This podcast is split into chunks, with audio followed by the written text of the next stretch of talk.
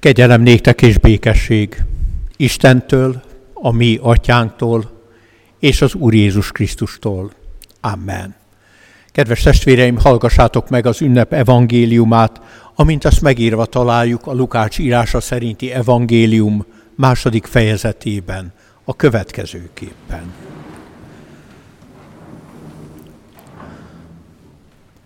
Történt pedig azokban a napokban, hogy Augustus császár rendeletet adott ki, írják össze az egész földet.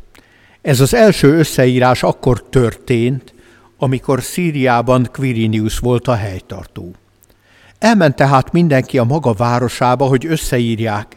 Fölment József is, a galileai Názáretből Júdeába, Dávid városába, amelyet Betlehemnek neveznek, mert Dávid házából és nemzetségéből származott, hogy összeírják jegyesével, Máriával együtt, aki áldott állapotban volt.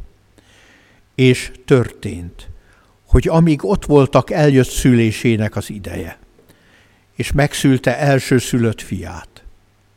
Bepójálta, és jászolba fektette, mivel a szálláson nem volt számukra hely. Pásztorok tanyáztak azon a vidéken a szabad ég alatt, és örködtek éjszaka a nyájuk mellett.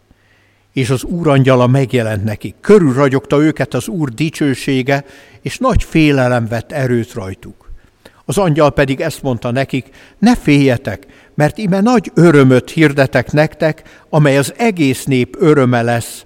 Üdvözítő született ma nektek az Úr Krisztus a Dávid városában.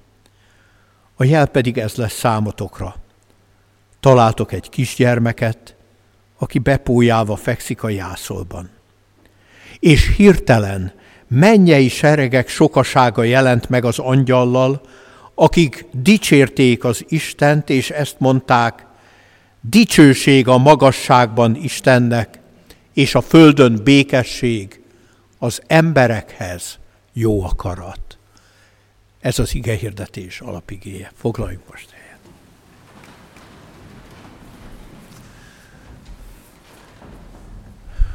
Ünneplő gyülekezet, szeretett testvéreim az Úr Jézus Krisztusban, jó lenne, ha senki nem érezné magát rosszul amiatt, hogy másképp ünnepel, mint a többiek.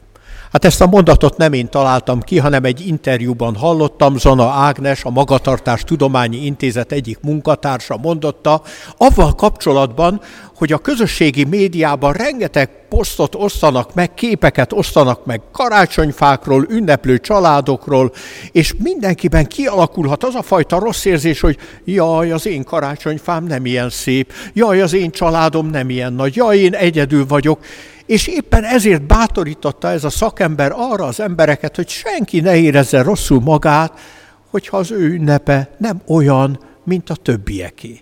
Mert hát különböző az élethelyzetünk is. Mindenki más élethelyzetben van.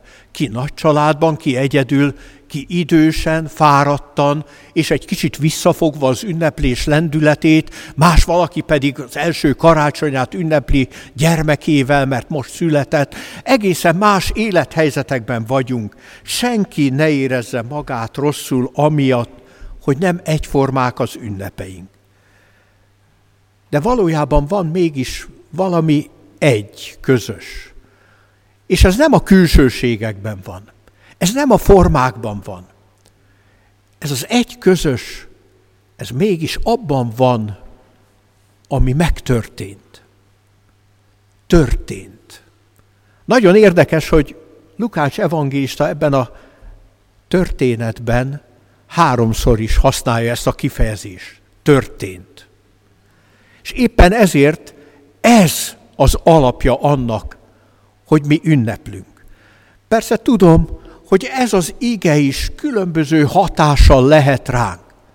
Bevallom őszintén, hogy néha én is úgy érzem, 43 lelki, éves lelkészi szolgálatomban sokszor prédikáltam erről az igéről, hogy már a könyökömön jön ki, ismerem minden szavát, minden szaváról beszéltem, már nem lehet róla újat mondani, nem lehet újat fölfedezni benne. Máskor pedig rácsodálkozok, hogy milyen csodálatos üzenete van.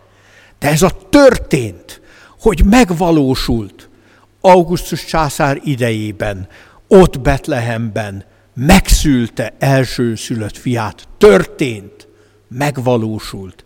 Ez köt össze bennünket. Lehet, hogy mindig más lesz ennek a történetnek a hangsúlya.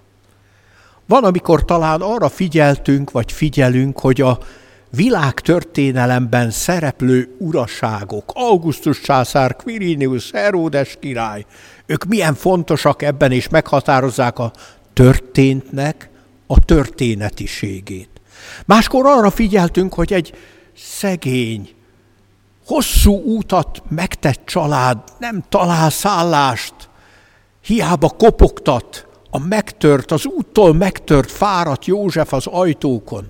Máskor pedig azokra az emberekre figyeltünk, akik nagyon egyszerűen ott ültek Betlehem mezején, fogyasztották a vacsorájukat, vagy éppen regéltek egymásnak, vagy bóbiskoltak.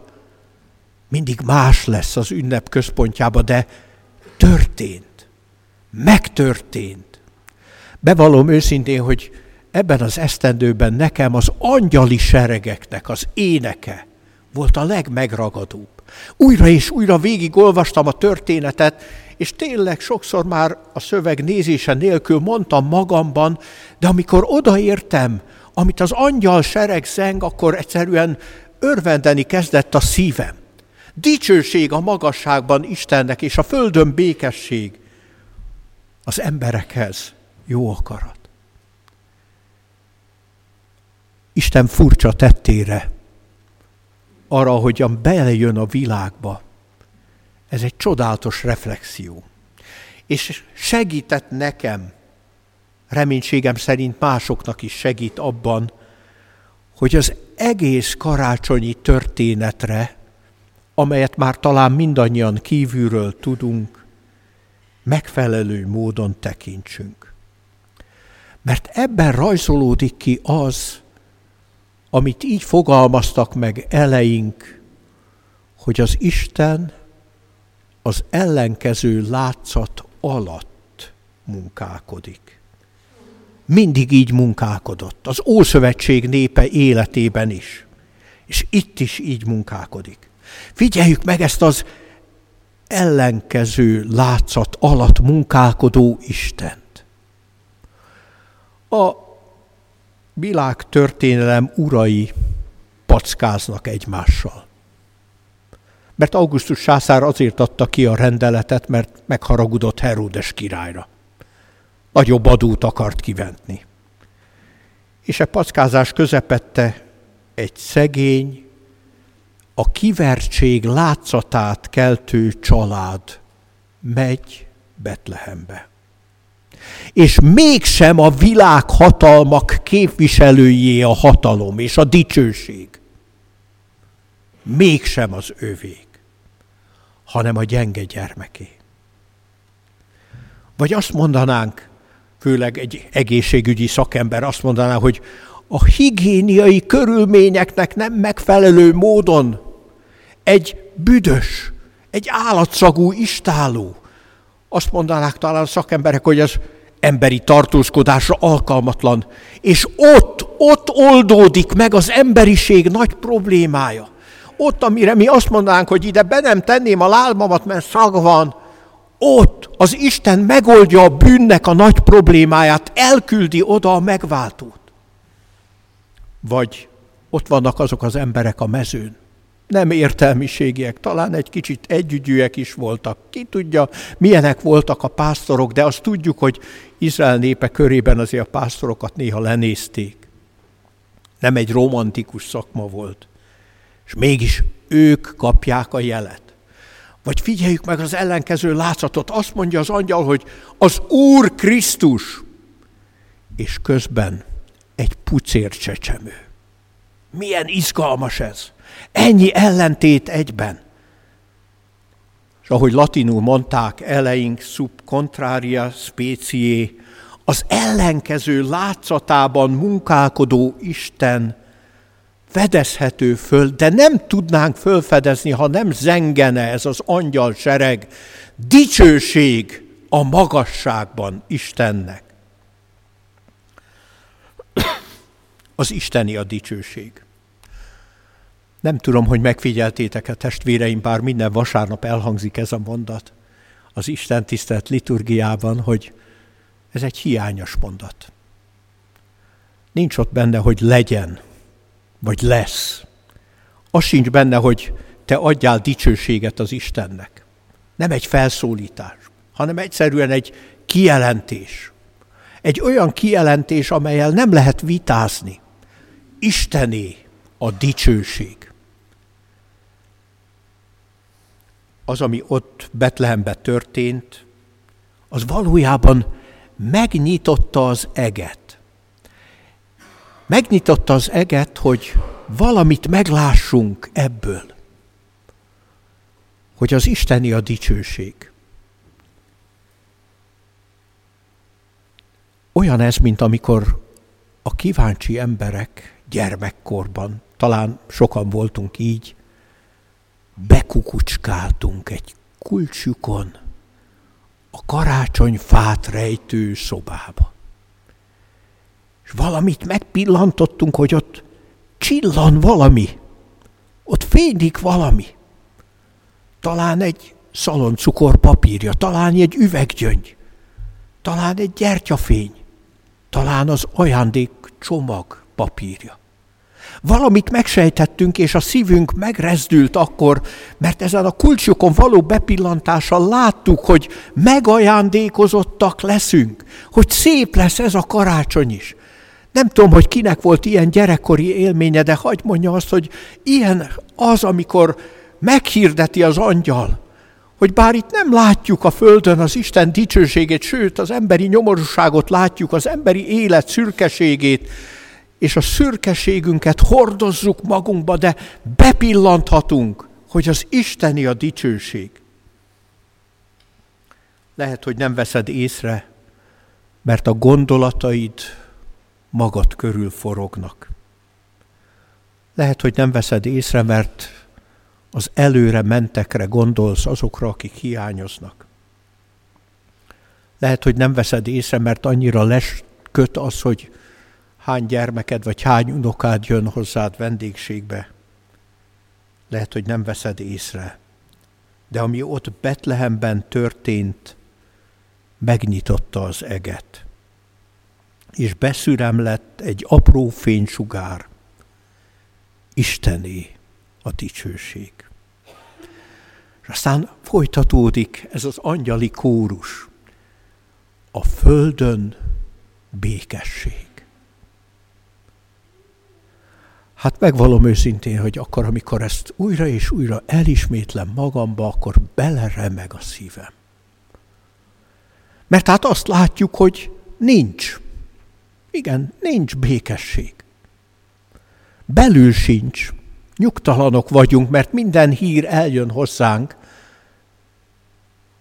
de kívül sincs. A földön békesség,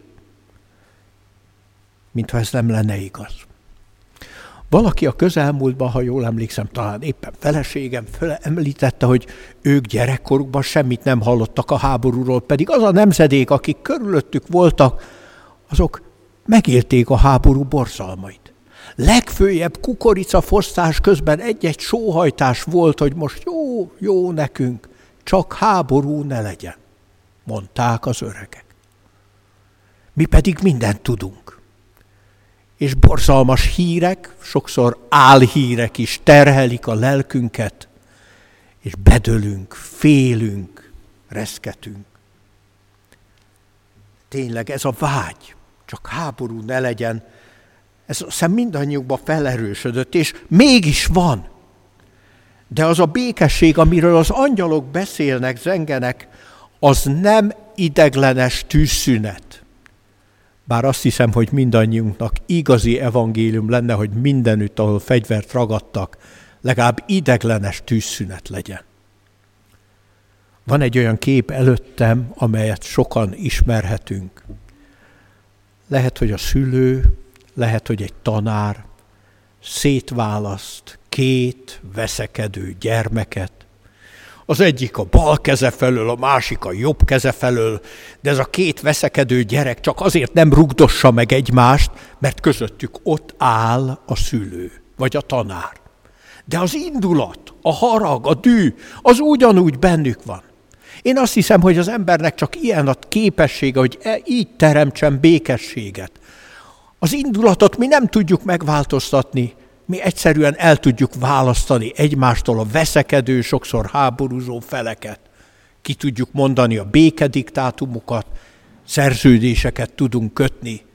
Csönd legyen, ne veszekedjetek, ne háborúzzatok. Az a békesség, amiről az angyal beszél, az egészen más. Az valahol alapjaiban változtatja meg az embert. A belső indulatában. A belső feszültségeit oldja fel. Mert az az Úr Jézus Krisztus, aki megszületett Betlehemben, valójában azt az Istent, akire te néha nagyon haragszol, és vald be őszintén, hogy vannak olyan pillanatok, amikor nagyon haragszol az Istenre. Azt úgy mutatja be, mint szerető mennyei atya.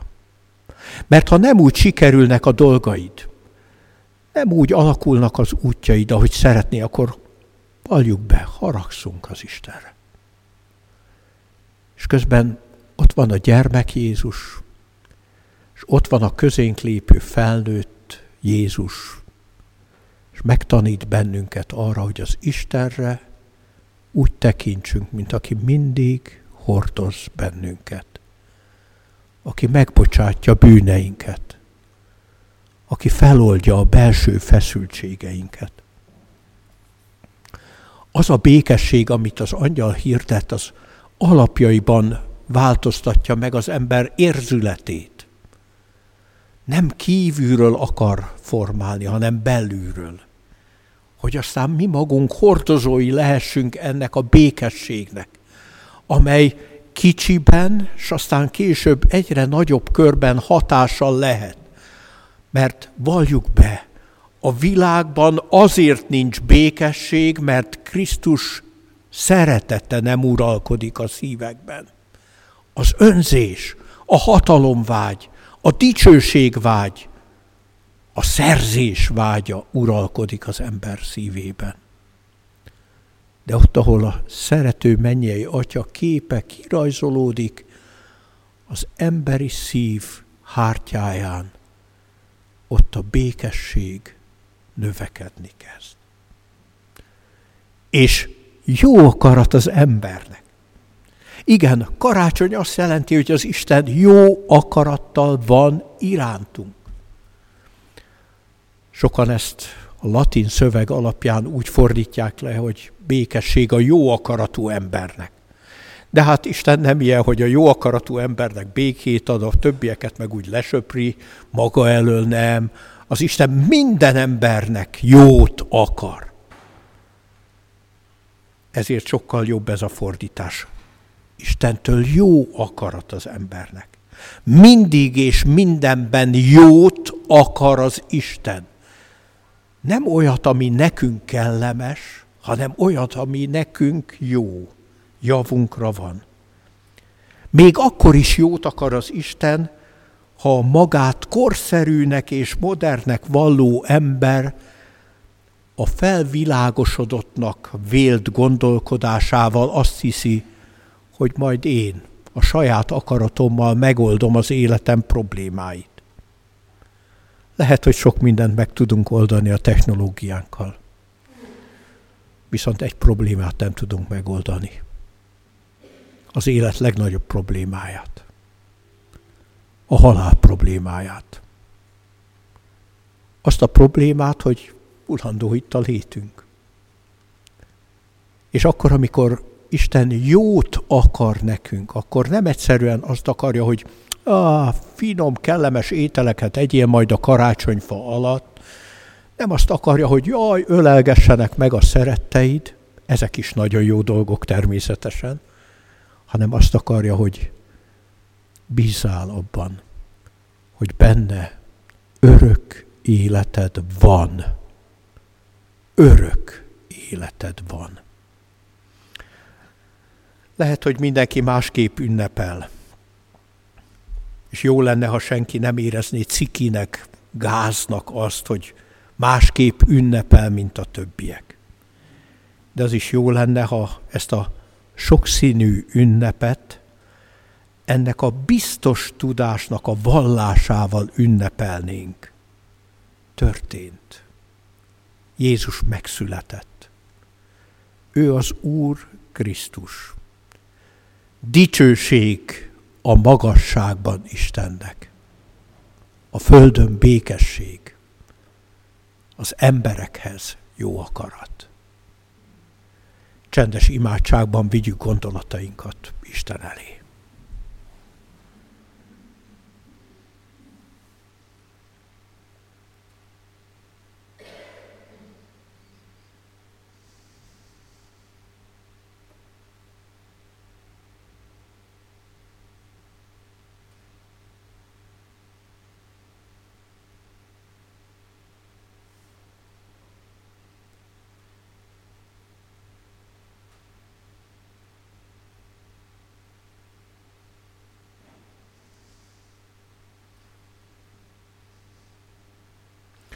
Urunk, hallgass meg minket.